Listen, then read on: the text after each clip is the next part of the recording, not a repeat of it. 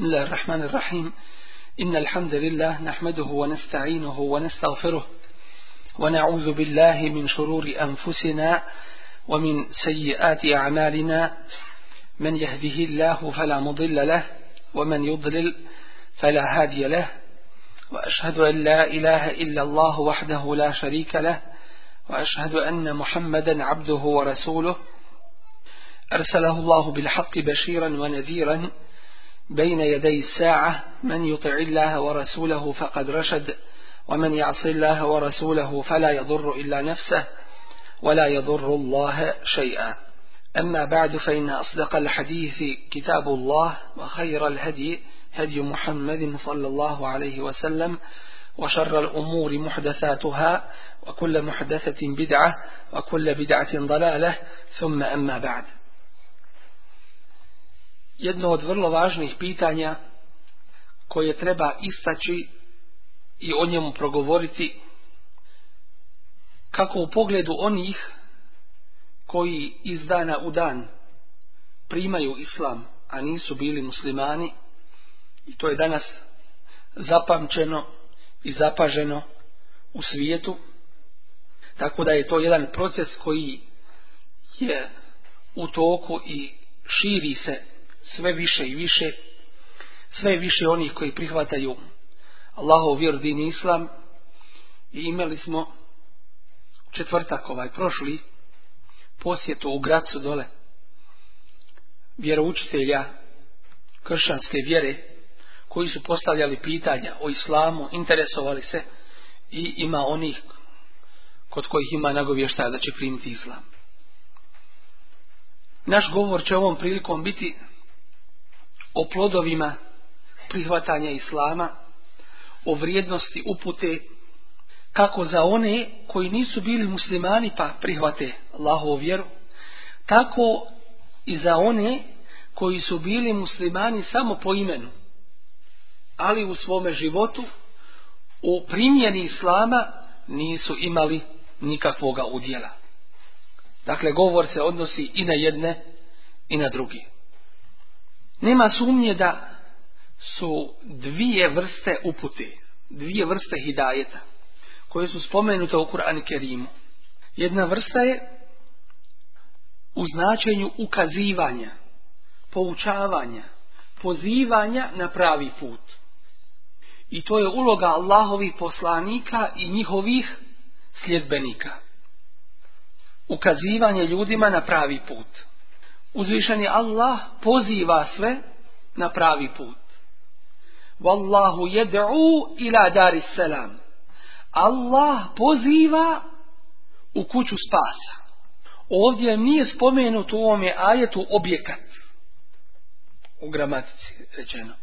To jeste koga poziva. Poziva svakoga. Sve ljude poziva. I zato je on Ar-Rahman. Bismillahirrahman. U ime Allaha milostivog. Zato je uzvišen je Allah milostiv svim ljudima. Daje kišu i onome koga vjeruje i onome koga ne vjeruje.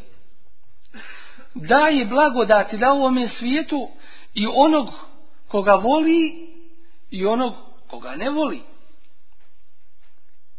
Milostiv a ovo je najveća blagodat.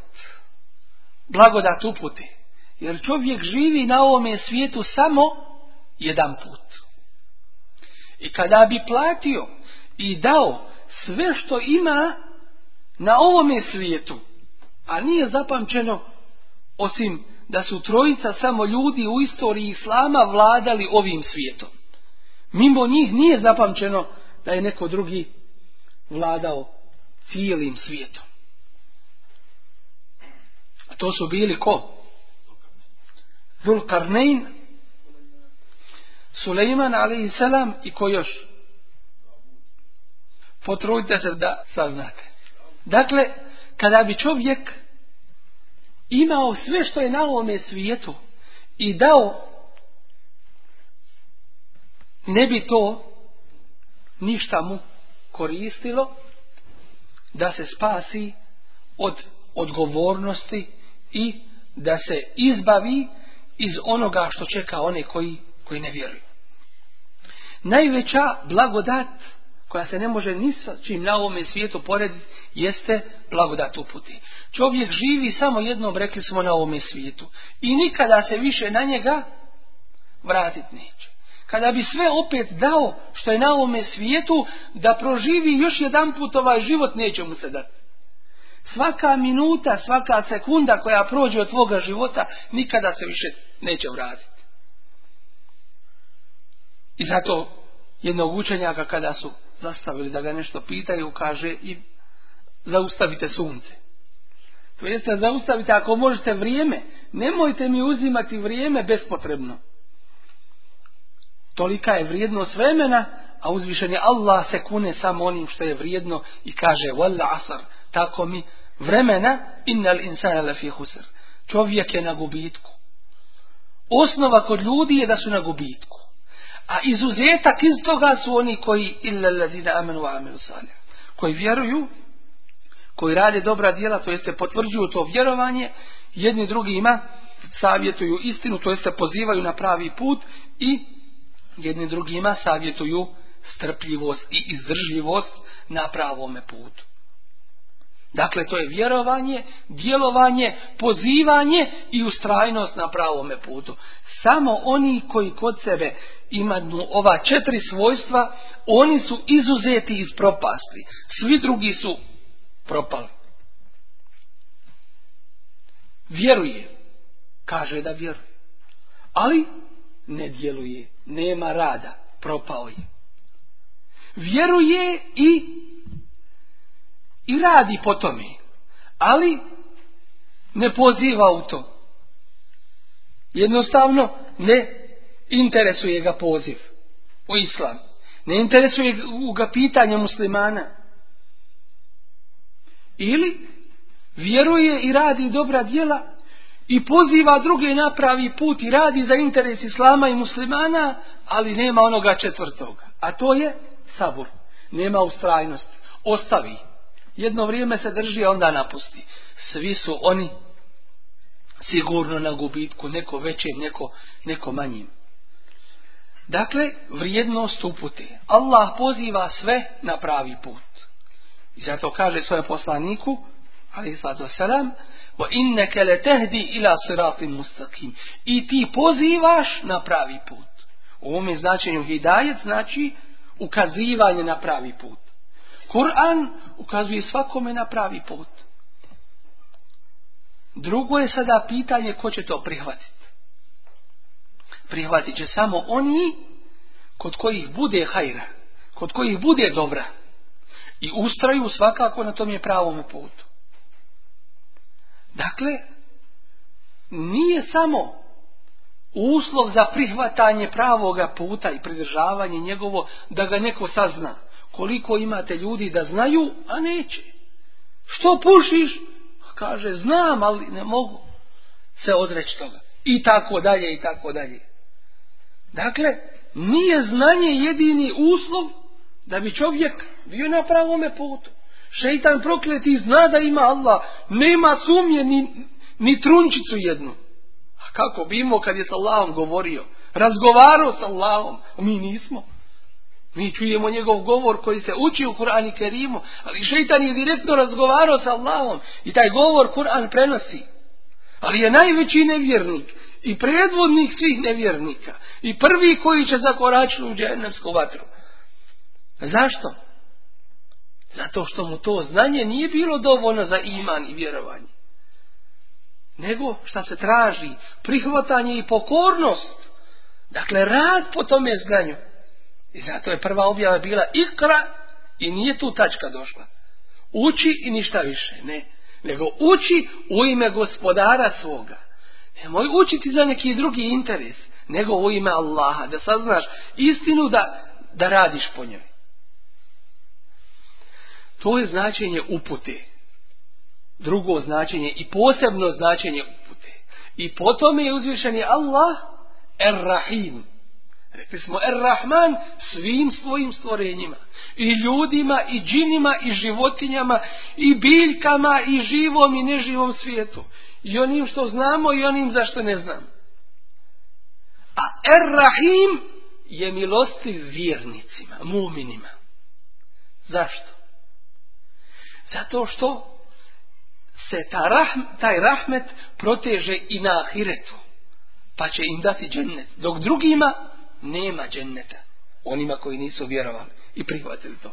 I to kaže uzvišenje Allah bil بِالْمُؤْمِنِينَ rahima i on je samilostan to jeste posebno milostiv vjernicima mu'minima ko će biti mu'min ko će biti vjernik i ko će prihvatiti ovu uputu onaj koga Allah uputi Allah upućuje i niko drugi Kaže uzvišenje Allah svojem poslaniku, ali sad se Inneke la tehdi men ahbebte. Ti ne upućuješ onoga koga voliš. Ti nisi u stanju to da učiniš. Da ti ovladaš nečijim srcem. Da neko prihvati i tu istinu. Ti nisi to u stanju. Pa je rekao svome Amidži, koji ga je branio, koji je stajao na putu mužrika da dođu do Resulullah sallallahu sallam na njegovom smrtnom času kaže mu, moj Amidža, prihvati islam, reci riječi la ilaha illallah. ću ti zagovornikom kod Allaha da baraka ta'ala. A kod njega predstavnici kufra, Ebu Džehli i ostali, kažu, zar ćeš se odreći vjere svojih predaka. I zadnje je bilo što je rekao, zadnji je bilo što je rekao Ebu Talib, da je na vjeri svojih predaka. Nije prihvatio islam. Otišao kao mušik i nevjernik. Pa se rastužio Resulullah sallallahu alaihi sallam. Žao mu ga, jer zna da za njega spasa nema. Pa uzvišen je Allah objavljuje kuranski ajet Inneke la tehdi men ahbebt, walakin Allahe jehdi men ješa. Ti ne upućuješ Allaho poslaniće koga voliš, već Allah upućuje koga hoće. Tvoj najbliži, ti ga na put on pod put. Neće ni naopako. Ti u džamiju, on stoji pred džamijom, neće unutra. Nisi ti kadar to da učiniš, da uputiš. Allah upućuje. I kaže isto tako u Kur'an i Kerimu Ma kane lin nebiji wallazina amanu. Ne može se desiti, ne smije se desiti vjerovjesniku i onima koji vjeruju en stagfiru lil mušrikin da mole Allaha za oprost mušricima walau kanu uli kurba makar bili njihovi najbliži min ba'di ma tabayyana lahum annahum ashabul jahim nakon što im je jasnim postalo da su oni džehennemlije Dakle, uputa je kod Allaha tabaraka wa ta'ala. On jedini upućuje. Mi činimo samo uzroke da dostavimo ljudima istinu. I taj uzrok u većini slučajeva nismo učinili, nismo izvršili. Očekujemo da neko drugi za nas to učini. U ovome slučaju nema službene dužnosti, izvršavanja po službenoj dužnosti. Što znači to je posao imama ili ovoga muftije ili ovoga ili onoga. Svi smo za to odgovorni i obavezni. Za ono što nam je najbliže, pa onda dalje i dalje. Resulullah a.s. nam kaže u hadisu koji bilježi imaj muslim Belligu anni volav aje Prenesite od mene makar bio jedan ajet. Prenesi, dužnosti je prenijeti. I kaže kuranski ajet li unzirakum bihi wa men Davas da vas opomenem njime to jeste Kur'anom wa men belah, i svakoga onoga do koga dođe i kaže hadihi sebili ed'u ila Allah kul hadihi sebili reci Allahu poslaniće ovo je moj put Ed'u ila Allah, pozivam Allahu, ene tebe ani, ja i svi oni koji me slijede. Što znači, onaj ko slijedi Resula, alaihissalatu wasalam, poziva Allahu. Onaj koga ne slijedi ne poziva. To je dužnost i obaveza. Prenošenje. To je način to je uzrok upute. A da li će dotični biti upućen, da li će prihvatiti, ti zato nećeš biti pitan, niti ćeš biti odgovoran. Ko što neće biti pitani Allahovi poslanici. Jer će ih biti koji će doći na sudnjem danu, a s njima grupa mala ljudi. Od tri do, do devet. Biće ih, a s njima dvojica. Biće ih, s njim jedan. A biće ih, s kim neće biti niko da ih je slijedio. Allahov vjerovjesnik nije našao nikoga da ga slijedi. To nije njegova krivica. On je prenio. Ja ejuhar rasul, belgma unzile ili. Ti prenesi ono što ti je objavljeno. Dostavi svojim, svojim riječima, svojim dijelima i svojim, svojim postupkom ostaje ovdje pitanje da se na njega odgovori, a ko je taj koga će Allah odabrati da krene pravim putem? Kaže uzvišeni Allah, jehdi bihillahu, njime upućuje, to jeste svojim govorom Kur'an i Kerimom, meni tebe aridvanehu, onoga ko slijedi njegovo zadovoljstvo. To jeste onoga ko je predan, jer islam znači predanost. Onoga ko traži, ne onoga ko odbija. Kažeš mu ovako je islam, a on ti jednu riječ, a on deset. Ti deset od stotinu. Drugo vrijeme, drugi ljudi, druga država, drugi uslovi, sve drugačije i drugo. Što znači druga vjera. Ne može to tako biti. Onoga ko traži, ko je pokoran. I rekli su, čuli smo i pokoravamo se. Kod muslimana može biti samo jedno opravdanje za nerad. A to je ne znam. Znači danas mnogima ti kad kažeš što to tako radiš, on kaže ja to znam. Pa da si rekao ja ne znam, bilo bi ti opravdanje. A ja znam, šta ostaje drugo nego znaš, a nećeš. To su Beno Israil tako rekli. ana wa asajna. Rekli, znamo, a nećemo. Otvoreno kazano. Neki to danas ne kažu tako, tim riječima, ali svojim postupcima kao da tako govore. Wa ušribu fi al kufra. Fi bi kufri. I u njihova srca ušlo je obožavanje onoga teleta zlatnoga zato što su nevjerovali. Dakle, ako neće se pokoriti Allahu, hoće se pokoriti nečemu drugome. A to nije dolično da se tome pokoravaš. Dakle, Allah upućuje onoga meni tebea, ko slijedi, ko je pokoran, a ne onoga ko se izmiče, onoga ko, ko se okreće od, od upute. Drugo, trebamo znati i biti svjesni da uputa i pravi put da je to najveća blagodat Allaha te ta'ala. I da to nije i neće biti svakome dato. To Allah odabiri. Ko je za toga? Ajet kaže وَمَا كَانَ لِنَفْسٍ أَنْ تُؤْمِنَ إِلَّا بِإِذْنِ اللَّهِ Nijedna duša neće povjerovati, neće postati muminska, illa bi iznila, osim Allahovim izunom, Allahovom dozvolom. Dakle, da te je Allah odabrao da mu na seždu padaš. On neće svakoga. Njemu ne treba svako. I neka se niko ne zanosi.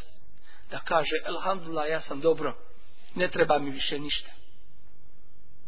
Bojat se za takvoga da se ne okrene naopako. Jer, rekli smo, ima, imaju četiri vrste ljudi. Jedna je gora od druge, i druga bolja od one prije nje. Ima ih koji nisu vjerovali u mladosti ni u svojoj starosti. Pa nema hajra u njima. A ima gora grupa od njih. Zar ima gore od toga? Ima. Gore od onoga koji nije vjerovao nikako, gore od onoga koji nije vjerovao nikako. A to je onaj koji je počeo vjerovati i prihvatio se vjere, a nakon toga je ostavio. On je gori od onoga koji je nikako nije prihvatio. Jer je on pa ostavio, a onaj nije spoznao nikako. Pa je to gore. Zato ajet kaže inna alladhina qalu rabbun Allah thumma stakamu. Oni koji kažu naš gospodar je Allah, prihvatio se dina, a zatim ustraju. Zatim ne ostave to. To je vrlo važno. Da čovjek ne popusti, da mu ne dodije, da mu ne dosadi ibadet Allahu, pa da to sve ostavi, a to ne ide preko noći. Da kaže, neću više klanjati nego polako počne ostavljati na file i sundete pa onda farze odgađati u zadnje vrijeme, pa malo pomalo, malo pomalo, dok se ne izvuče kao što se dlaka izvlači iz tijesta. Pa više na toj dlaci ne ostane malo traga od onoga u čemu je bila. Dakle, malo više vjere na kraju ne ostane. Vidio sam ljude i zatekao na jednome mjestu ništa im od vjere ostalo pri njima nije. Kaže jedan od njih, mi smo zapamtili svoje pretke. To nije priča, to, to, je život. Kaže jedan, zapamtili smo svoje pretke i nešto su govorili tajna najna. Učili ih njihovi djedovi i nane inna a'tajna kel keusar. Pa su zaboravili to i ništa pri njima nije više ostalo nego kažu tajna, najna, ne znamo. Ništa za Allaha ne znaju. Ne uzobila. Do koje mjere se može odmetnuti. A što se tiče onih drugih vrsta koje su ispravne, inša Allah, to je onaj ko nekada u jednom periodu svoga života nije znao za uputu. Pa mu onda Allah tabaraka wa ta'ala prosvijetlio njegovo srce i dušu, pa prihvatio se dina. I ustrajao na pravome putu. Do kraja života. A bolji od toga je ko?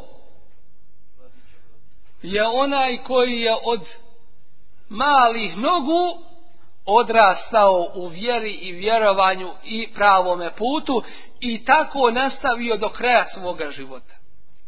A onda pred krajem Allah dadne da posebno trud vidi, nije znao. Toliko i činio i badet, ali nije toliko činio i badet koliko mu Allah dadne posebno pred kraj života da ga čini da bi sa najljepšim dijelima izašao pred Allaha te bareke taala.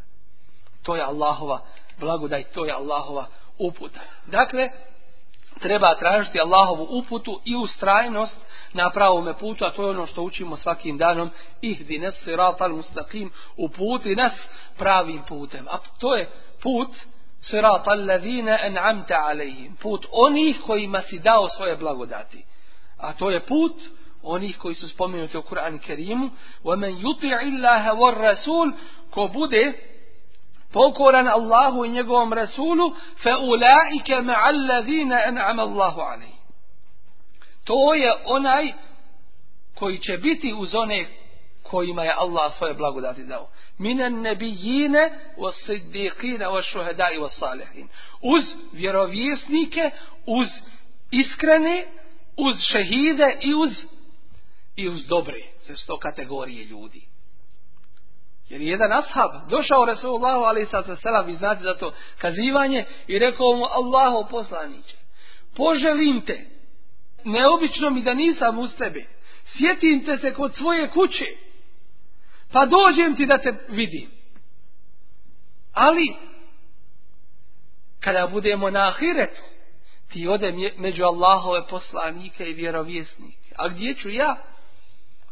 Kad mi je ovako teško na dunjaluku, kad te ne vidim nakratko, kako će tek biti na ahiretu? Odgovor na to pitanje uzvišeni Allah na sebe preuzima. I kaže, odgovara mu na to pitanje, وَمَنْ يُطِعِ اللَّهَ وَالرَّسُولِ Ko bude pokoran Allahu i njegovom Rasulu, bit će uz vjerovjesnike. Dakle, bit, bit ćeš sa Allahovim poslanikom ako budeš ako budeš pokoran. To je pravi put. Put onih koji znaju ispravno i izvorno vjeru i put onih koji rade po tome svome znanju. Koje su blagodati upute, o tome se puno može govoriti. Ali mi ćemo ovdje samo neke spomenuti kroz kuranske ajti iz, kroz hadisa Rasulullah sallallahu alaihi wa Pridržavanje islama onako kako treba i do kraja života je najveći uzrok sreće na ovom i na budućem svijetu kao i lijepoga života. Kuranski ajet kaže men amila salihan min zekarin ev unsa, wa huwa mu'min. Ko bude radio dobra djela, bio muško ili žensko, a vjernik je, jednehu hajaten Mi ćemo ga zasigurno oživjeti lijepim životom. وَلَنَجْزِيَنَّهُمْ أَجْرَهُمْ I nagradit ćemo ih njihovom nagradom bi ahseni ma kanu ja'malun. Po boljem nego što su oni radili. S druge strane, Allah spominje svoj zakon u pogledu onih koji okrenu leđa njegovoj uputi.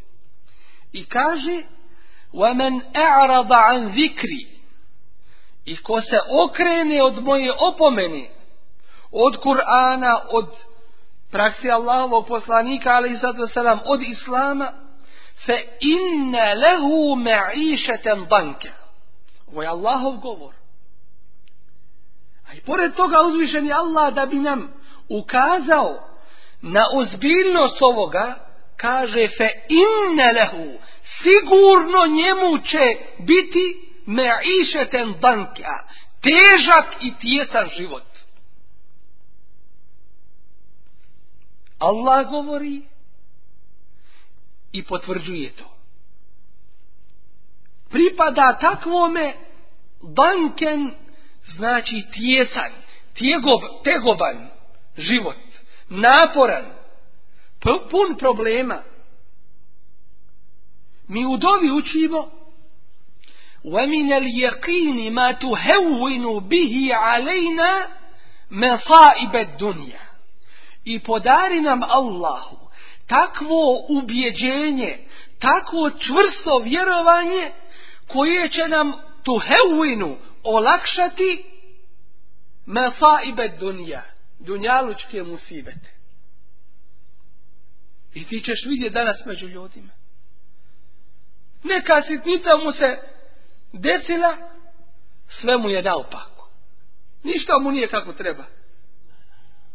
A vidjet ćeš i one koji žrtvuju sav svoj imetak i svoju čast i svoj život i sve na Allahovom putu i vidimo ih da bivaju zatvarani i da bivaju proganjani i da bivaju ruglu izvrgavani i tako dalje i tako dalje i kažemo da Bog do drugi osjećaju sreću i zadovoljstvo kakvu oni osjećaju na Allahovom putu. Što im je Allah dao blagodat. I tako su bili imami ovoga ummeta, predvodnici ovoga ummeta. Jednostavno prolazili su kroz mnoga iskušenja, a prije toga Allahovi poslanici i vjerovjesnici ali su vidjeli zadovoljstvo. Vidjeli smo u stvari da su zadovoljni Allahovim kaderom, Allahovom odredbom. Jer znaju da Allahova odredba po mu'mina nije zlo. Zlo može biti ono što ti uradiš. Ali Allahova odredba po tebe nije zlo. Ili je to što te zadesilo zamjena za nešto veće i gore i teže. Ili je to kefaret ili opraštanje tvojih grijeha, brisanje tvojih grijeha koje si učinio.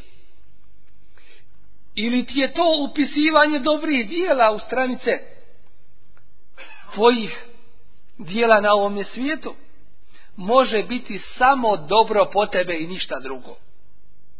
Ako radiš ispravno i ako si kako treba na pravome putu. Dakle, mu'min je taj koji ne gubi. Resul Ali Sadam kaže za onoga koji je predan nečem drugome mimo Allahu te'i se abdu dinari te'i se abdu dirhem. Neka je nesretan rob dinara i dirhema.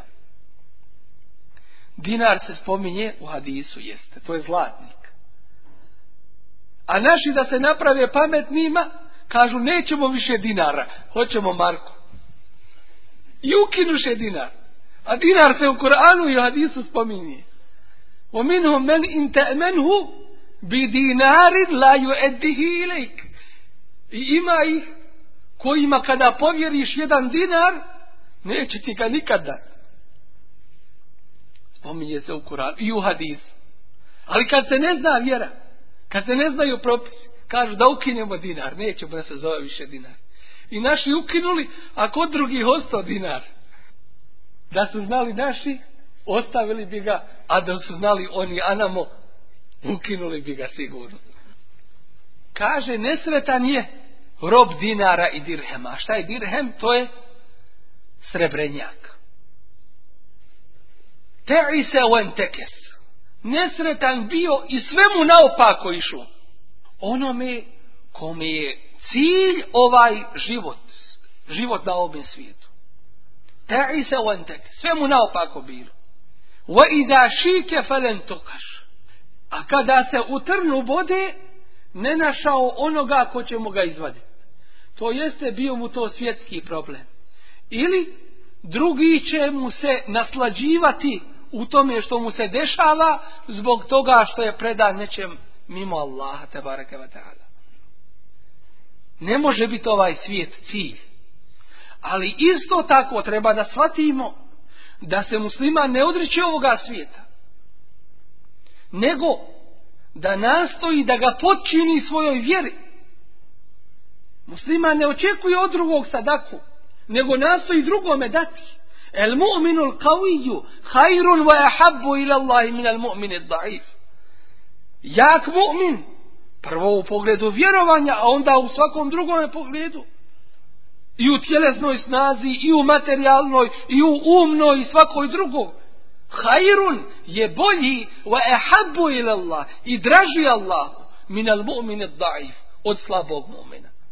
O kullin u svakom je hajr. Nije nije ali ako možeš dobiti na dozvoljen način, ne uzevši ovaj svijet sebi za cilj, ako možeš dobiti svijet i sredstva koja ćeš počiniti za hizmet, Allahovoj vjeri to učini, ali ne popuštajući Allahovoj vjeri i ne kršeći njegove zakone i propise. Fele hajatan tajibe. Toga ćemo živjeti lijepim životom, koji se prihvati Allahove vjeri. Onaj drugi, lehu išete banka, To je ajet kuranski u suri kojoj? Ovi koji uče Kur'an. Njih pitam. U kojoj suri se ovaj ajet nalazi? malo iza Merijem. Koja je sura iza sure Merijem? Taha, u suri Taha se ovaj, ovaj ajet nalazi. Valja učiti Kur'an. Bez Kur'ana nema života. Bez Kur'ana nemamo kud pred Allaha sad Fe inne lehu me išeten banka. Ovo je zakon koji se ne mijenja. Takvome pripada tijesan život i težak život. nahšuruhu jevmel qijameti a'ma a proživjet ćemo ga na sudnjemu danu slijepim. Kale rabbi lima hašartani ama. Reće gospodaru moj, što si me proživio slijepi? Na sudnjemu danu. Čuje nešto se događa, sav isprepadan, ali ne vidi ništa. Pripao oko sebe. Što si me proživio slijepim? Vakad kuntu basira, a vidio sam prije. Kale zalike tetke ajatuna fenesite. To zato što su ti došli moji ajeti, pa si ih zaboravio. Pa si ih napustio, pa si im leđa okrenuo.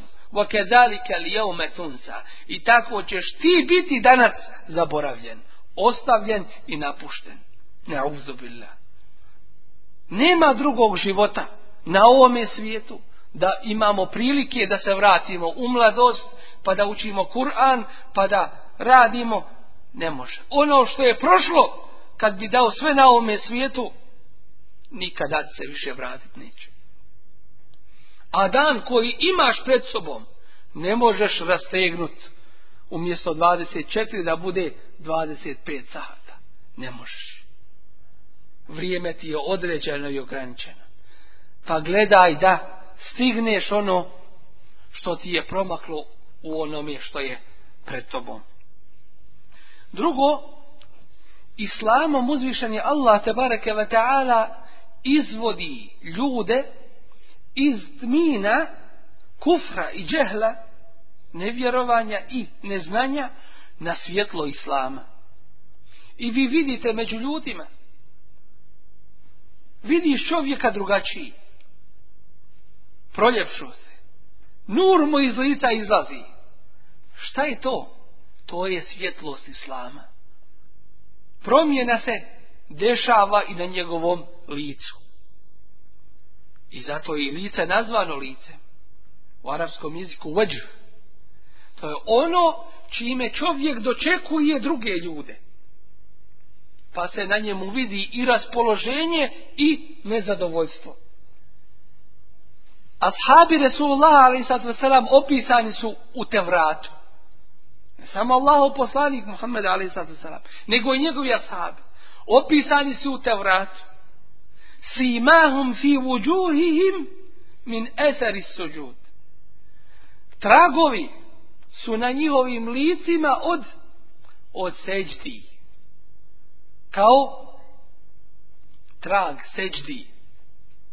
Kao posljedica ibadeta Allahu tabaraka wa ta'ala. To se vidi na licu. Kao što se vidi i grije isto tako. Čini lice drugačijim i zato se može vidjeti i prepoznat na ljudima kada šta zgriješe i kada, i kada čine dobra djela. Na licu se može poznati. To danas pokušavaju da da izuče u nauci kriminologije, da izuče određene pojave ili lica kakva izgledaju onih koji su učinili neki zločini i neki prekršaj. To je davno islamska ulema o tome govorila i o tome govore ove knjige po kojima, nažalost, u većini slučajeva još uvijek prašina pada, tako da treba naručiti, nabaviti ključ za te knjige da se otvore, a ključ za te knjige jeste šta? Jeste arapski jezik. Pa kad se drugi jezici mogli naučiti radi ovoga svijeta, može se i naučiti arapski radi ovoga i onoga svijeta. Zatim, islamom uzvišen je Allah oprašta sve grijehe i sva loša djela koja čovjek učini prije toga. Prihvatanjem islama čovjek se oslobađa grijeha i biva čist od njih kao na dan kad je od majke rođen. Biva čist od svih grija. Kuranski ajet kaže Kul lillazine keferu Reci posla poslaniće onima koji ne vjeruju. Ovaj ajet je u kojoj suri? Kul vine keferu Ovaj je ajet u suri El Enfal. A ta sura govori o bitci na bedru. Govori o mušicima koji su uzeli oružje da se bore protiv Allahovog Resula sallallahu alaihi wasallam i njegovih ashaba. Njima je govor upućen. I svim ostalima. Reci Allahu poslanićem onima koji ne vjeruju, mušicima, idolopoklonicima. I jentehu, ako prestanu sa svojim kufrom nevjerovanjem i radom protiv ove vjere. Jugfer lehum ma kad selef. Biće im oprošteno sve što je prije bilo. Njima, kao moli drugima. Dakle, Islam briše sve grijehe koje je čovjek u prošlosti učinio. U hadisu kojeg bilježi imami muslim, gdje poznati ashab Amr ibn al-As radijallahu anhu govori kako je primio islam. Kaže, kada je Allah dao da islam uđe u moje srce, došao sam Allahovom poslaniku salallahu alaihi wasallam, pa mu rekao, pruži mi svoju desnicu, da ti iskažem svoju vjernost, prisegu da ti dam, da primim islam. Pa pruži svoju desnu ruku Resulullah sallallahu alaihi sallam a Amr ibn al-As radijallahu anhu kaže a ja svoju ruku povuko ne ti je doh mu dat ruku pa mi reče maleke ja Amr šta ti je Amre ja reko eretu en ešteret hoću da postavim uslov prije nego što primim islam. Postavit ću, to jeste primit ću islam, ali pod uslovom. Pita ga Resulullah sallallahu sallam, te šteretu bi mada. Šta hoćeš da postaviš kao uslov? A on kaže, en Jufereli da mi bude oprošteno ono prije što sam radio. Dakle, hoću da se primim iskreno ali šta ću s onoga prije što je bilo. Dakle, hoću da mi se to oprosti. Allaho poslanik, ali sad selam, oprašta li on grijehe? Ne oprašta. Nije to samo da kažemo nema toga kod nas, nego nema toga nigdje. U značenju to ne može biti. I onaj ko kaže ljudima da oprašta grijehe, on laže mimo Allaha te bareke ta'ala. Isti je slučaj ono što se pokušava sa mrtvima. Niti je klanjio, niti je i bade činio, ni tahareta, ni ništa uza se. Kad umre, sad ćemo mi njemu sve priredi da ga spasimo. Ne može to. Traži da Allahovog poslanika oprost kriha, On ne uprašta grije. Ali, on ga upućuje na propis i kaže mu Ema alimte, zar nisi znao? enel islame jehdimu ma kane kable. Da islam ruši ono što je bilo prije njega. To jeste uklanja sve grijehe, ne ostavlja ni jedan grijeh, makar se radilo i o najvećem grijehu. Islam briše ono što je bilo prije njega. Wa الهجرة tehdimu ma كان kable. I da, Hijra briše ono što je bilo prije nje. Wa anna al-hajj yahdimu ma qabla. I da hadž briše ono što je bilo prije njega. Svakako. Iskreni islam, iskrena hidžra i iskreni hađ. Na hađu gurnete neko, a ti planeš na njega, gotovo Nije tvoj hađ hađi mevrur. Onaj za koji je obećan džennet. Rekao bi sitnica, ali nije sitnica. Wala fusuk, Za tih nekoliko dana nema griha, Ne smiješ učiniti grije.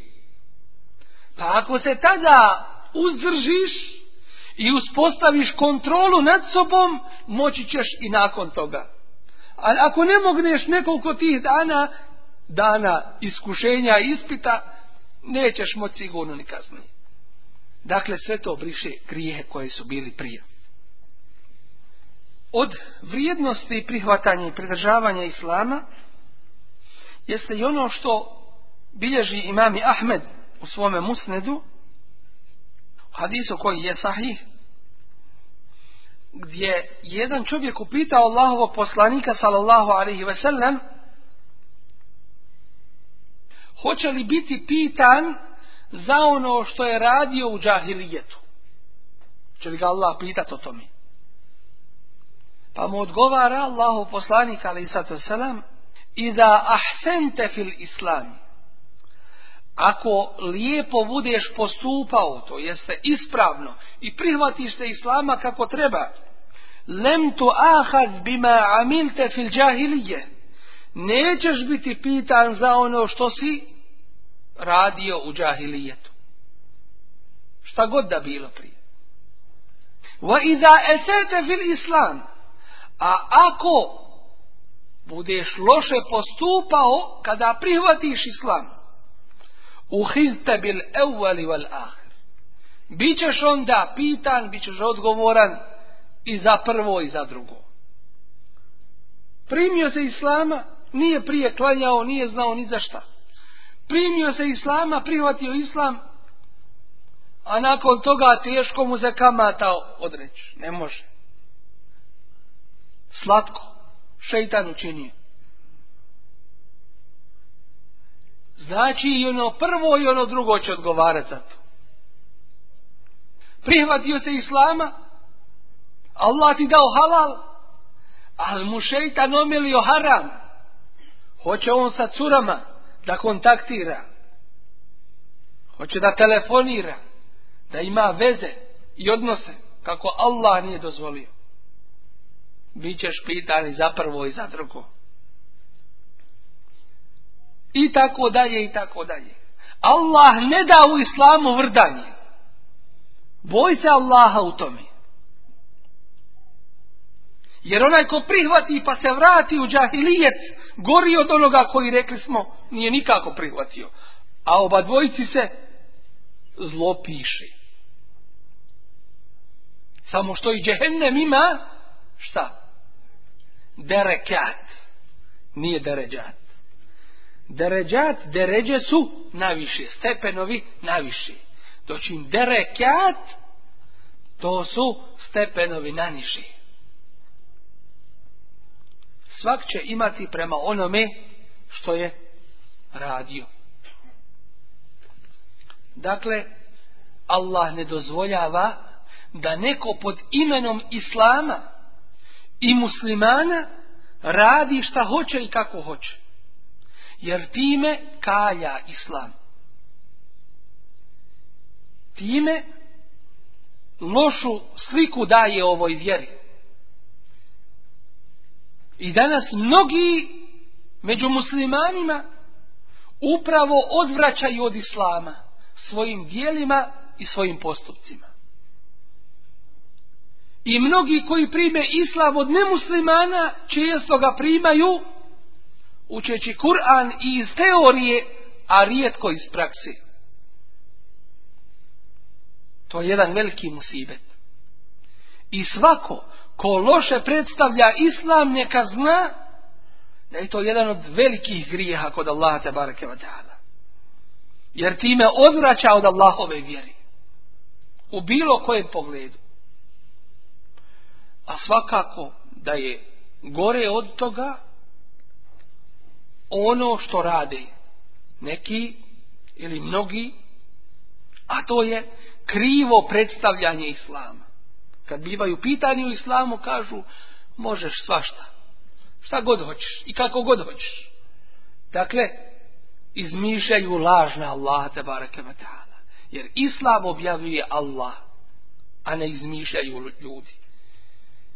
I Kur'an kaže وَمَنْ أَضَلُّ مَنِ tebe هَوَاهُ Ko je na većoj zabludi od onoga koji slijedi svoje strasti. Bi gajri hudem min Allah bez upute od Allaha tabaraka wa Nema onoga koje na većoj zabludi. Od vrijednosti i fadileta Islama jeste i to da uzvišeni Allah tabaraka wa ta'ala čovjeku koji se prihvati Islama potvrđuje i priznaje i prihvata i dobra koja je činio prije Islama neće mu biti zanemarena. Neće mu biti zanemarena. Jedan od poznatih ashaba, koji se zove Hakim ibn Hizam radijallahu anhu, rekao je Allahovom poslaniku sallallahu alaihi ve sellem. Šta kažeš Allaho poslaniće za dijela kojima sam se približavao Allahu u džahilijet? Oni su vjerovali u tome smislu Allah, ali su za Allaha vjerovali kipove, druga božanstva i tako dalje. Kod Allaha ne može svakako vjerovanje. I to danas isto tako. Ne znači dakle da samo klanjaš, postiš, daješ zekat, misliš musliman, a onda možeš svašta raditi. Ista je stvar, isti je slučaj. Ne, nego samo da si Allahov i ti čiji drugo. Šta kažeš Allahu poslaniće za djela dobročinstva koja sam radio u džahilijetu? Dajući sadaku, oslobađajući robove, održavajući rodbinske veze. Imam li ja za to nagradu? Pa mu kaže Resulullah sallallahu alaihi wasallam, hadisu kojeg bilježi imami Buharija, Eslemte ala ma selefe leke min hajr. Primio si islam sa svim onim što si učinio od dobrih dijela. Dakle, sva dobra dijela ti se pišu i potvrđuju nakon što si primio islam. Sva ona dobra dijela koja si činio u džahilijetu. A već smo prije spomenuli da se loša i svi grijesi da se brišu. Zar to nije Allahova blagodat? Dakle, sva loša briše, a sva dobra potvrđuje, upisuje i priznaje. Islam je put do dženneta. Jedini način kako čovjek može ući u džennet. U hadisu Enes ibn Malika radijallahu anhu spominje se da jedan čovjek pitao Allahovog poslanika ali sad salam o njegovom poslanstvu.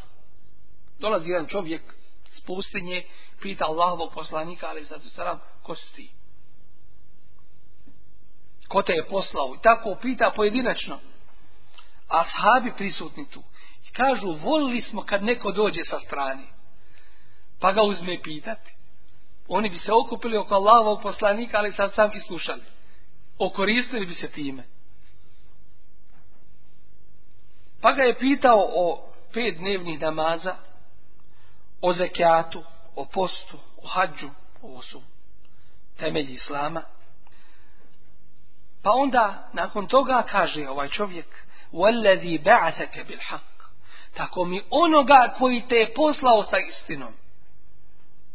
La اَزِيدُ عَلَيْهِنَّ wala Ništa na to što si mi rekao neću dodati, niti ću ista, išta oduzeti. Šta misli pod ovim neću ništa dodati, niti ću ista, išta oduzeti. To jeste pet dnevnih namaza ću klanjati, neću nikako više na filu. Niti ću šta od tih pet dnevnih namaza oduzeti. Davat ću zekat i neću više ništa. Dakle, obavljat ću to što si mi samo rekao i ništa više. Niti ću umanjiti, niti ću šta dodati. Kada je otišao, reče Allahu poslanik ali sada salam, le in sadeqa le jedhulun al dženne. Ako je istinu rekao, sigurno će ući u džennet. Što znači primjena islama ti je dovoljan garant ulaska u džennet. Kad ne bi ništa dodatno radio.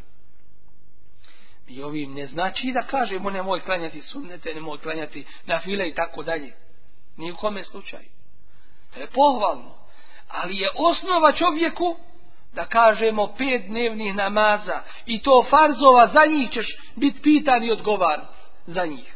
Prvo za što ćeš biti pitan na sudnjem danu jeste pet dnevnih namaza i to farzova. Pa ako tu nešto ne bude nedostajalo, ako tu nešto bude nedostajalo, onda će se nadoknađivati iz, iz sunneta, iz nafila ovih. Ali kada bi te farzove čovjek bio prisutan u njima i obavio kako treba, sasvim je dovoljno kao garant ulaska u džennet, uz namaz i ostali propisi. Ako može uz kvalitet postići i kvantitet, onda je to nuru ala nur, svjetlo nad svjetlo. Dakle, dobro u svakom slučaju. Ali je pogrešno na račun kvaliteta pokušati ostvariti kvantitet, količinu. Taravih namaz hoće da klanja 20 rekiata, ali ništa nišćim. Dole gore. Nema fajdi od toga nikakve. Niti ima se vaba od toga. Kako to? Kako možete reći da nema sevaba? Otkud vi znate, jel vi to dijelite sevab i kazdu, pa vi znate ko ima sevab, ko nema sevab. Allahu poslanik ali kome je dolazila objava od uzvišenog Allaha dolazi mu čovjek u džamiju i klanja dva rekata tahijetul mesjida... i naziva selam Allahovom poslaniku ali sad sam on mu kaže irđi fa salli fe inneke lem tu salli vrati se i klanjaj jer ti nisi klanjao a sad čovjek s namaza to jeste to što si klanjao i da ga nisi klanjao, svejedno je. Dakle, to što si klanjao, kao da ga i nisi klanjao. Nema nikakve vrijednosti, nema nikakve koristi, niti vaba niti nagrade za to. Isto čovjek klanja, dođe, isto mu reče Allaho poslanika. Pa se po drugi put vrati. Pa treći put isto tako. I onda mu je dodijalo više. I kaže, tako ti onoga koji te je poslao sa istinom. والذي ba'ataka bil haq. Pouči me, ja drugačije ne znam. A onda mu kaže Allahu poslanik ali sad Kada hoćeš da klanjaš lijepo, uzmi avdes. Fa ahsin il vodu. Ne na brzinu, pa ostane, pa ostane čega? Suhih mjesta i na ruci i na nogama i tako dalje. Jednom prilikom Allah poslanik ali sad sam u pauzi jedne bitke rekao je Ebu Hureyre radijallahu anhu da oglasi među vojskom Vajlu lil aqabi minan nar Teško li se ovim potpeticama, znate šta je peta na nosi? E ovo iza pete, potpetica ta. Kaže Ebu Hureyre, vidlo se kod nekih u vojsci, borci na Allahovom putu, nije to bilo ko, bilo šta ashabi Allahovog poslanika, ali sad Ali nema tu. Nikome u tim propisima vjerskim progledati kroz prste. To nije naše, pa možeš ovo ne moraš to. To je Allahovak. Kaže Hureyre, vidjelo se nekima da nisu oprali noge, to jeste nisu pokvasili te svoje potpetice, koliko jedan dirhem, dakle ovako kako bi čovjek ova dva prsta sastavio kaži prst i ovaj do njega. Dakle, toliko kada se sastave kao jedan direm kao jedna novčanica gvozdana, toliko je ostalo da nisu oprali. Pa je rekao Allahov poslanik ali sad za salam da oglasi Ebu Hureyre među vojskom fevejlu lil aqabi minan nar. Teško li se tim mjestima koje nije dohvatila voda od džehennemske vatri. Dakle, pridržavanje propisa. Ne može, ne može bilo šta i ne može, ne može bilo kako. Dakle, to je, to je Allahova vjera. To je ono što se traži i što ne može se nikome, ne može se nikome udovoljiti da mu se popusti. Ne može se na račun kvaliteta ići na kvantitet. Pa mu kaže, pa onda okreni se prema kibli. Pa uči ono što ti je lahko iz Kur'ana. Pa otiđi na ruku dok se ne smiriš na ruku. Pa se ispravi dok se ne smiriš. Pa onda seđu tako, ali kod svakog spominje dok se hatta tatme in, dok se ne smiriš. Kod imama Ebu Hanife, Allahu ta'ala, je to uvedeno u ruknove namaza. Šta je rukn namaza? U temelje namaza. Rukn namaza. Ako se propusti, ne vrijedi sehvi sežda. Ne možeš to sehvi seždom ispraviti. Ponovo klanjaj. Pa gdje su oni što kažu mi smo Hanefije, mi se predržavamo Hanefijskog mezheba. Wallahi mi kažemo vi ne znate Hanefijskog mezheba. Ako znate, a tako radite, onda ne zna se šta je gore. Jel gore je ne znat ili gore je znat, a, a ne radi. Kaže se u jednom arapskom stihu In kunte džahilen fetilke musibetun. Ako si džahil, ako ne znaš, vallaj, to je musibet jedan. Nesreća. Wa in kunte tedri fel musibetu azam. A ako znaš, onda je musibet još veći. Drugim riječima, one taravije koje se klanjaju na brzinu, gledajući se na sahat i govoreći onaj imam klanja za 16 minuta taraviju, a onaj za, za 17. Ima toga. Ima toga. Od toga nema nikakve koristi, nikakve fajde. Dakle, ova vjera nije po priči i nagađanju, već po čvrstim i izvornim propisima i njenim temeljima, koji, kada se izvrše kako treba, to je nesumnjivo garancija, garancija da će biti primjeno kod Allaha tebarake, tabarake wa Dakle, ovome čovjeku je garantovano, ako ispuni ono što je potrebno od ove vjere, da će mu to biti dovoljno da, za ulazak u džennet. I ovdje ćemo još spomenuti među mnogobrojnim vrijednostima pridržavanje i prihvatanje islama da je pored toga što je to garancija čovjeku za džennet da je to i spas od džehennemske vatre. Jer ima ih koji će među muslimanima i od muslimana ući u džehennemsku vatru. Bez obzira što su bili muslimani. Ime kod Allaha tabaraka wa ta'ala samo po sebi ne igra ulogu, već djela. Ali ako su radili, imali dobra djela i vjerovanji i vjerovali, Allah tabaraka wa ta'ala nakon što ih kazni, uvešće ih u džennet. Ali pravi je uspjeh da uđeš u džennet a da ne okusiš džehennemsku vatru. To je pravo. U hadisu kojeg bilježi i Buhari spominje se da je Allahu poslanik sallallahu alaihi wasallam imao jednog dječaka koji mu je izmetio, koji mu je služio. Taj dječak je bio židov služio Allahovom poslaniku sallallahu alaihi wasallam. Pa se taj dječak razbolio. I došao mu je vjerovjesnik sallallahu alaihi wasallam da ga obiđe u toj bolesti. Pogledajmo ahlaka Allahovog poslanika alaihi wasallam. Jer mnoge ćeš lijepim postupkom pridobiti. I vi imate tu priliku. Oko sebe kad se okrenete, okrenete toliki komšilu Normalno da ne možeš voliti ono u čemu su mnogi od kufra, nevjerovanja, nečistoće i fizičke i, i druge i tako dalje. Ali ti pokaži svoj lijep odnos. Svoj lijep postupak. Te starce, kad se okreneš oko sebe, vidjet ćeš, svi su ih napustili. Osim one mačke i cuke, koji opet tu, tu su radi svoje koristi. Dakle, učiniti neko dobročinstvo.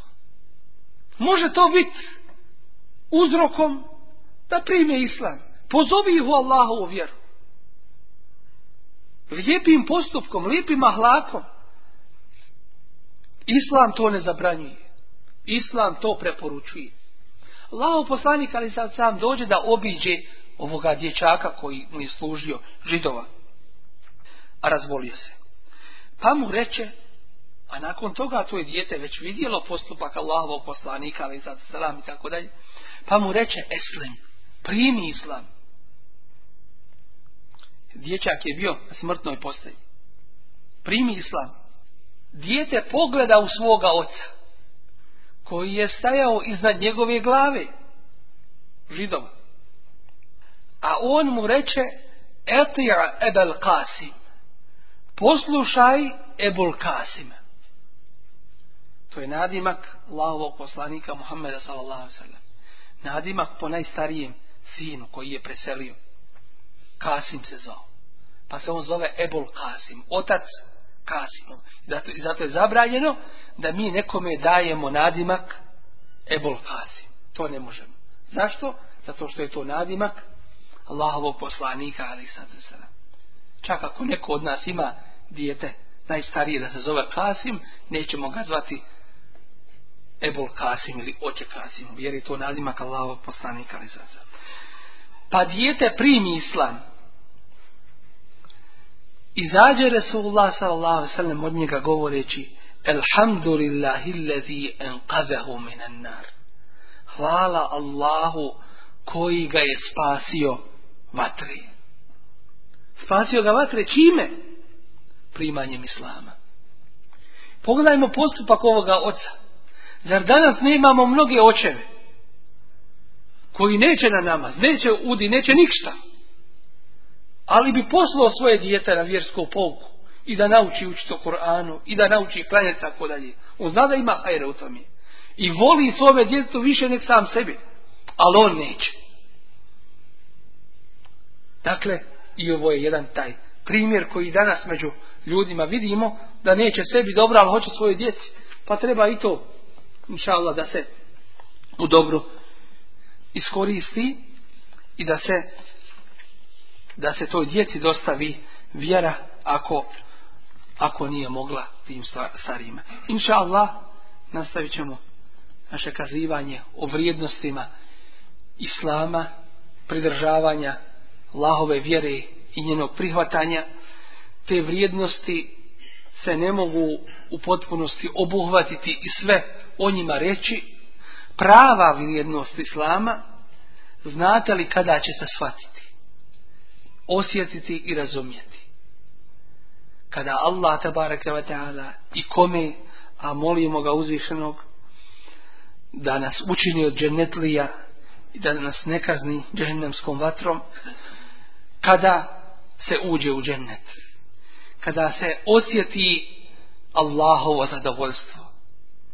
Sva uživanja u džennetu imaju svoju posebnost. Koliko je dužina jednoga bića, vi znate šta je bić, jedan metar, metar i pol možda je veličini dužina tolika u džennetu je vrijednija nego sva bogatstva na ovome svijetu. Svi dragoji, sva uživanja, sve ljepote, sve na ovome svijetu ne može se porediti sa tolikom mjerom u džennetu da neko dobije.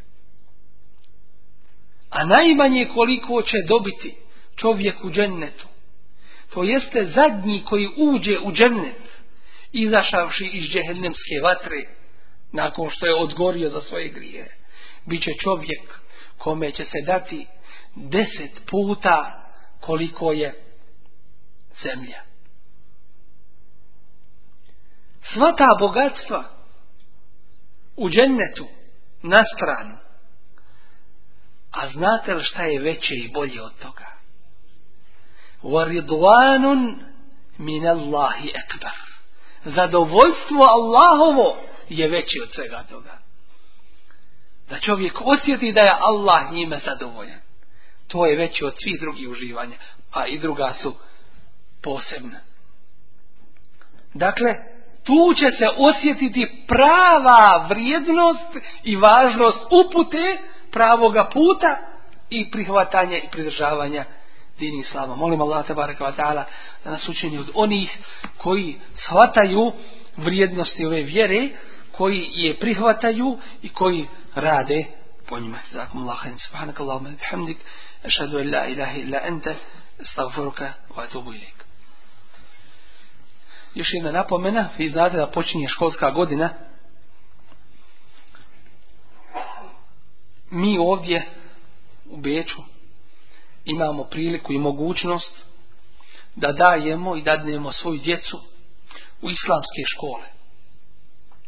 Među muslimane da tamo uči. Kako arapski jezik, tako i vjeronauku. I ja odgovorno odavde tvrdim i ističem da nema niko opravdanja kod vas i među vama i onaj ko čuje ovo i do koga dođe, da daje svoju djecu u druge škole, a da ih ne dadne u ove islamske i među muslimane, gdje će u najmanju ruku biti sačuvan mnogog zla, nemorala i neispravnosti koje vidimo i nalazimo u drugim školama. Tako da čovjek je dužan i obavezan i odgovoran u pogledu svoje djece. Da im priušti najbolji odgoj i da im dadne ono što će im biti od dobra na ovom i budućem svijetu. A ne da nam se sutra kače o naše vratove i da kažu na sudnjem danu ti si me oče upropastio i ti si me uništio i da ne budemo od onih koji će jedni od drugih bježati na sudnjemu danu. Jer smo vidjeli slučajeva, da nas Allah sačuva sve toga, gdje su otišla djeca krivim putem, počeli piti, pušit, drogirat se, otišli, krenuli putem nemorala, da ne kažem kakav im je govor, kakav je njihov odnos u pogledu namaza i tako dalje. Mi imamo ovdje slučajeva da ljudi hoće iz drugih gradova po dvije stotine kilometara da se preseli ovdje u ovo mjesto samo zbog toga da bi dali svoju djecu ondje gdje će biti očuvana u svojoj vjeri, u svome ahlaku, u svojem moralu. Tako da napominjem da se ovo pitanje najozbiljnije shvati. A nema opravdanja onaj ko bude upozoren i opomenut, a nakon toga se ne odazovi. Molim Allah ta'ala da nas učini od onih koji nastoje da se sačuvaju sami, a i svoje porodice džehennemske vatre i koji nastoje da islam uspostave u svojim porodicama. Nema sumnje da čovjek je dužan da se odrekne toga munkera, a govori je o pušenju. I da će biti odgovoran za to. U pogledu propaštavanja svoga zdravlja i ako mu pušenje prouzrokuje smrt, takav bi se smatrao da je sam sebe ubio i da je izvršio samoubistvo. Jer ćete vidjeti na cigaretama da piše da je pušenje uzročnik raka i drugih bolesti koji dovode do smrti. A ajet kaže vola toliko bije i diko mine tehluke. nemojte se svojim rukama bacati u propast. Pored toga što je to israf, što to uznemirava muslimane i meleke. Jer ajet kaže, jer hadis kaže Innal melaikete le mimma jeteezza benu Adem. Meleki se uznemiravaju od onoga od čega se uznemirava sin Ademov, to jeste potomci ademov I ajet kaže lehu muaqibatun min bejni jedejhi wa min halfihi min amrillah. I ima čuvare ispred sebe i iza sebe koji ga čuvaju Allahovom odredbom. Dakle, taj puše u meleka stalno. I tako dalje, i tako dalje. Mnogi je munker od toga i to je musliman dužan da napusti pušenje haram bez ikakve sumnje. Samim tim, onaj koji prilazi namazu, dužan se osloboditi toga neugodnog mirisa prije toga je dužan to ostaviti i napustiti to pušenje. Dakle, pranjem zuba, čišćenjem da ništa od toga ne ostane. Ali nam je poznato da čak i, i odjeća poprima, zada, dima i duhana, brada isto tako, kosa, prostorija u kojoj se nalazite, kad uđete u kuću, u sobu pušača, vi ćete vidjeti da to da to nije atmosfera muslimanska kako bi trebala biti. A nesumnjivo da iz iskustva znamo da taj dim pogoduje šeitanu i džinima koji često nastoje da iskoriste priliku tu da uđu u čovjeka. I kad čovjek puši, obično kad dolazi do nervoze, to šeitan iz njega traži. Ta nervoza, da bi se smirio, to je zahtjev unutrašnji zahtjev šeitana, da bi se, da bi se smirio kroz tu cigaru. Koranski ajet kaže, Ela bi Spominjanjem Allaha smiruju se srca, a ne, a ne Dakle, dužnost je odstraniti od sebe taj neugodni miris, dakle da se čovjek presvuče od toga duhana, da se dobro očisti, da na njemu ne ostane nikakva traga pa da dođe u džamiju. Inače, ako osjeti se miris dohana u džamiji, nesumnjivo da je takav hurmet samih džamija prekršio i uznemirava muslimane zašto snosi grije i odgovornost kod Allah te baraka Nadam se da sam pojasnio ovo pitanje. Znači, ovaj, ne treba za A, a što se tiče samoga imama, islamska ulema je stava da ne smije biti imam onaj ko puši. To je jasna stvar. Prvo što je to munker, a drugo što će se drugi u tome ugledati na njega. On mora biti primjer u dobro, a ne primjer u zlo. Tako da se ne smije klanjati e, zatim u stvari takav ne može predvoditi džemat. Znači,